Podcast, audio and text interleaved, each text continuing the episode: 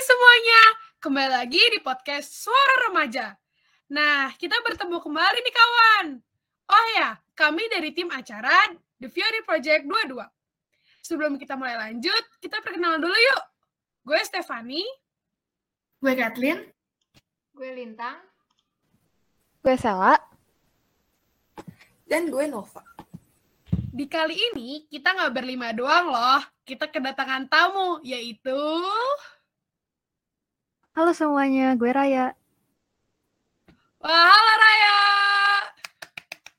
Nah, kita kan habis perkenalan nih. Eh ya, kalau boleh tahu tema kita di podcast bulan itu apa sih? Jadi, di bulan spesial ini, kita akan membahas tentang gaslighting nih.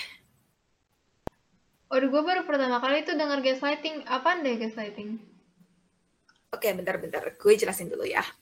Jadi, gaslighting merupakan suatu tindakan memanipulasi seseorang secara emosional dengan memaksa korban untuk mempertanyakan pikiran, perasaan, dan peristiwa yang dialami.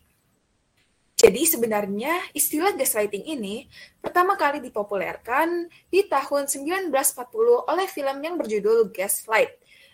Jadi film ini itu sebenarnya menceritakan tentang seorang suami yang menggaslight istrinya into thinking that dia itu gila Wah, jujur gue baru pertama kali sih ngerti ngerti mendalam tentang gaslighting gini. Sebelumnya gue nggak pernah denger gitu gaslighting itu apa. Iya kan?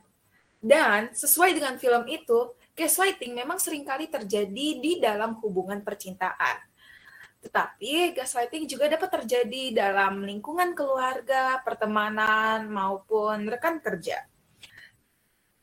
Jadi, gaslighter yaitu orang yang melakukan kegiatan gaslighting bisa aja memiliki gangguan mental seperti gangguan kepribadian narsistik atau narcissistic personality disorder yaitu NPD di mana seseorang memiliki perasaan yang berpusat pada dirinya sendiri atau dia juga bisa memiliki gangguan kepribadian ambang atau borderline personality disorder yaitu BPD yaitu masalah kesehatan mental yang mempengaruhi cara berpikir seseorang mengenai dirinya sendiri dan orang lain. Tetapi, gaslighter nggak semuanya memiliki gangguan mental. Bisa jadi gaslighter itu hanya ingin menguasai orang lain. Nah, nah, nah. Kan kita udah tahu nih, apa itu gaslighting. Tapi pasti masih pada bingung nggak sih sebenarnya bagaimana gaslighting itu bekerja? Gue ada poin-poin nih, mungkin bisa menambah pengetahuan kita. Yang pertama adalah berbohong. Jadi di sini tuh kayak mengatakan sesuatu seperti kayak lo nggak ada nggak ada deh atau enggak itu nggak pernah terjadi. Yang kedua adalah mendiskreditkan. Jadi mereka menyebarkan rum sebuah rumor yang tidak benar tentang diri kita. Yang ketiga adalah mengalihkan topik.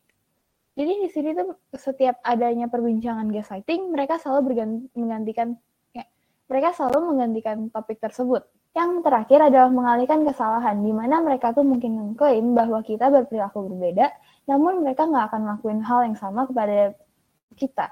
Wah, ternyata gitu ya gaslighting. Lumayan parah juga ya. Tapi kalau kita dengar cerita dari kehidupan sehari-hari, kayaknya bakal lebih paham gak sih? Nah, coba kita dengar cerita dari Raya kali ya. Oke, okay, thank you Kathleen dan Lintang. Soal cerita gaslighting nih. Dulu ada teman gue yang pernah curhat. Jadi dia pernah punya bestie. Teman gue dan bestinya sama-sama declare kalau mereka adalah BFF atau best friend forever. Dan semua orang tuh tahu kalau mereka bestian. Gue sih juga ngeliatnya begitu. Tapi ternyata di balik persahabatan mereka ada hal-hal yang gak pernah kita sangka. Soalnya pelaku ini tuh angel banget. Mustahil deh pokoknya kalau ada yang nyangka dia tuh jahat. Tapi kita mulai curiga karena ternyata si pelaku ini sering ngomongin hal-hal jelek tentang korban ke teman-teman lain tanpa sepengetahuan si korban. Sampai si korban benar-benar nggak punya teman selain si pelaku and the gang. Karena juga banyak teman-teman lain yang kepengaruh sama omongan si pelaku. Sampai suatu hari, gue dan teman-teman gue ngajak ngobrol si korban. Terus kita ceritain hal-hal yang diomongin si pelaku di belakang korban. Pas dia dengar itu semua, dia beneran shock banget.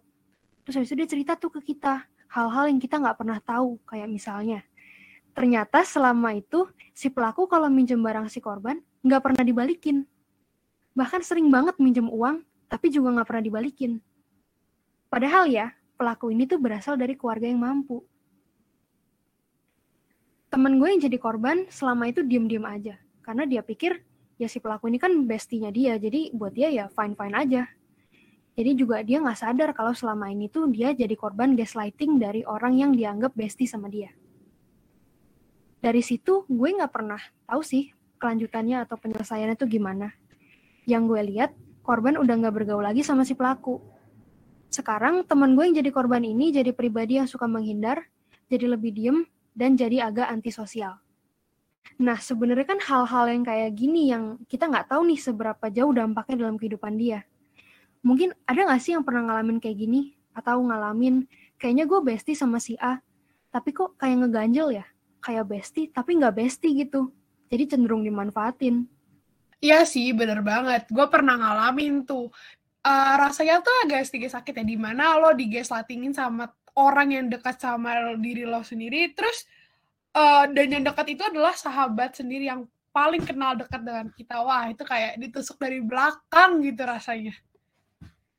Nah bener banget sih, kayak kalau kita diomongin dari belakang tuh, apalagi nggak bener ya, itu kayak sakit banget sih. Yang lain gimana? Berarti sebenarnya gaslighting ini bahaya banget gak sih? Soalnya kayak itu bener-bener bisa siapa pun yang nge-gaslight kita, bahkan tuh orang yang paling deket sama kita tuh bisa nge-gaslight kita. Dan dampaknya juga parah banget ya sih, apalagi dari cerita temennya Raya tadi yang sampai ansos, sampai takut gitu buat bergaul sama orang lain lagi. Ya gue setuju sih, tapi jujur gue agak bingung karena kalau gue denger-denger gaslighting, guilt tripping, bullying, sama manipulation agak mirip nggak sih? Iya, bisa dibilang mirip. Tapi ada loh perbedaannya. Oke, sini aku mau ngasih tahu bahwa manipulasi itu di mana orang itu mempengaruhi dari segi perilaku atau sikap dan pendapat. Contohnya yang kita tahu sekarang kan kita lagi di zaman virus corona nih. Banyak tuh orang tuh bukan banyak sih semacam sebagian orang berpikir bahwa COVID-19 itu tuh cuma semacam media manipulasi. Jadi ada ada saat di mana sebagian orang tuh ngerasa, wah COVID itu apaan sih? Paling nggak ada. Itu cuma media manipulasi lah, kayak gitu-gitu. Oke, sedangkan gaslighting itu singkatnya itu meyakinkan korban. Jadi kalau misalnya manipulasi mempengaruhi, gaslighting, gaslighting itu meyakinkan. Jadi untuk membuat korban itu yakin apa yang dilakukan itu sebenarnya salah, tetapi dibenarkan oleh pelakunya yaitu gaslighter. Contohnya yang sama kayak ceritanya temennya Rai tadi itu. Dan yang lain yaitu goal tripping. Goal tripping ini kita bisa deskripsikan bahwa tindakan yang dilakukan untuk mengontrol seseorang dan membuat merasa bersalah. Nah, setelah manipulasi itu mempengaruhi, gaslight, gaslighting itu semacam mendeskripsikan bahwa singkatnya itu meyakinkan korbannya bahwa itu benar padahal ternyata salah. Kalau guilt tripping itu bisa seperti mendeskripsikan dan mengontrol seseorang sehingga tuh orang yang melakukan itu merasa bersalah. Contohnya ya, orang tua tanpa disadari sering melakukan guilt tripping terhadap anak-anak mereka. Jadi ketika orang tua meminta suatu tuntutan kepada anak, tuntutan nilai atau tuntutan perilaku secara mandiri ataupun dan lain-lain, anak pasti akan merasa bersalah dengan apa yang dilakukannya sekarang itu. Nah, kita lanjut lagi ke bullying. Bullying itu semacam bentuk penindasan atau kekerasan yang dilakukan sengaja oleh satu orang atau mungkin sekelompok atau mungkin komunitas. Kalau manipulasi mempengaruhi, gaslighting itu meyakinkan, good tripping itu membuat seseorang itu merasa bersalah, bullying itu adalah penindasan. Mungkin secara garis besarnya gitu dan berbeda seperti itu. Oh, jadi gitu. Oke, oke, oke. Sekarang gue paham. Eh, berarti bisa jadi selama ini kita kena gaslighting nggak sih? Cuman kayak diri kita sendiri nggak sadar gitu loh. Sebenarnya tanda-tanda gaslighting itu apa aja sih? Kalau buat tanda-tanda kena gaslighting sendiri sih sebenarnya banyak. Nah, yang pertama itu biasanya lo ngeraguin perasaan lo sendiri. Jadi lo coba kayak yakinin diri lo sendiri bahwa perlakuan yang lo terima itu sebenarnya nggak seburuk itu. Dan mikir bahwa sebenarnya lo yang terlalu emosional. Terus yang kedua itu biasanya lo mempertanyakan pemikiran dan persepsi lo sendiri. Jadi kayak takut buat ekspresiin emosi, terus kayak lo ngerasa dengan ngeluarin pendapat lo, lo malah kayak ngerasa salah gitu di akhirnya. Terus lo juga sering ngerasa insecure, sendirian, powerless, dan bingung. Dan yang keempat, itu lo sering ngerasa kayak apa yang orang-orang bilang tentang lo itu bener. Jadi orang-orang yang nge-gaslight itu kan sering ngasih kata-kata yang bikin lo ngerasa kalau lo itu salah, terus lo itu lemah, aneh mungkin. Dan lo mikir kayak apa emang bener yang mereka bilang itu sesuai sama diri lo sendiri. Nah, terus yang terakhir itu, biasanya lo kesusahan dalam mengambil keputusan karena lo nya nggak percaya sama diri lo sendiri. Jadi kayak lo lebih milih buat nanya ke orang tua, ke teman, atau mungkin kayak orang-orang terdekat lainnya buat tentuin suatu keputusan, padahal sebenarnya keputusan itu buat kehidupan lo sendiri gitu. Oh, ternyata tanda-tanda gaslighting itu gitu. Jadi sebenarnya gaslighting itu bahaya. Karena walaupun kedengarannya sepele, tapi dampaknya bisa parah banget. Iya ya, sebenarnya dampaknya parah banget sih buat korban. Eh tapi bentar deh, mau tanya. Kalau sudah kena gaslighting, gimana sih cara meminimalisir dampak-dampaknya gitu? Nih, ada beberapa cara yang bisa kita lakuin. Yang pertama itu mendapatkan jarak. Jadi kita harus meninggalkan situasi secara fisik itu sangat membantu. Tapi kalian itu juga bisa coba menggunakan beberapa teknik relaksasi nih, seperti contohnya latihan pernafasan atau latihan grounding. Kedua, simpan bukti yang kuat.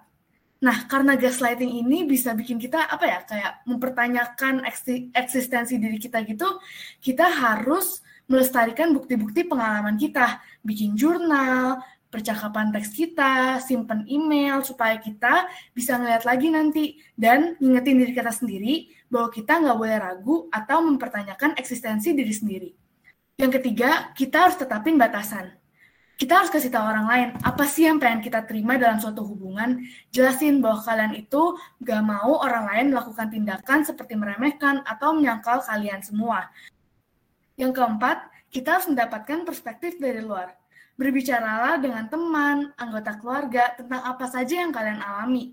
Karena perspektif orang lain itu bisa membuat situasi kita tuh lebih jelas gitu loh. Yang terakhir, kita bisa mengakhiri hubungan. Emang ya, mengakhiri hubungan itu sulit gitu ya. Tapi ini tuh cara paling efektif untuk mengakhiri gaslighting. Dan yang paling penting kita tuh harus berani sih untuk melakukan yang kayak Kathleen tadi bilang, misalnya kayak mengakhiri hubungan gitu kan bukan hal yang gampang. Tapi demi supaya gaslighting itu berhenti, kita juga harus berani. Setuju banget sih. Wah, tadi seru banget ya kita ngobrol-ngobrolnya. Nah, di sini podcast kita sudah sampai di penghujung acara. Podcast kali ini juga menjadi penutup untuk tema kita bulan ini, yaitu gaslighting. Nanti kita akan kembali lagi dengan tema yang lebih seru lagi. Sebelum mengakhiri, kita mau mengucapkan terima kasih banyak kepada narasumber kita Raya yang sudah menyempatkan waktu untuk datang dan sharing-sharing sedikit ya tentang gaslighting. Nah, terima kasih semua sudah mendengarkan podcast Suara Remaja bulan ini. Gue Kathleen. Gue Nova. Gue Sela. Gue Lintang. Gue Stefani. Pamit undur diri ya. Sampai jumpa di podcast berikutnya. Dadah. Makasih. Dadah. Dadah. Makasih semuanya. Makasih Ayang.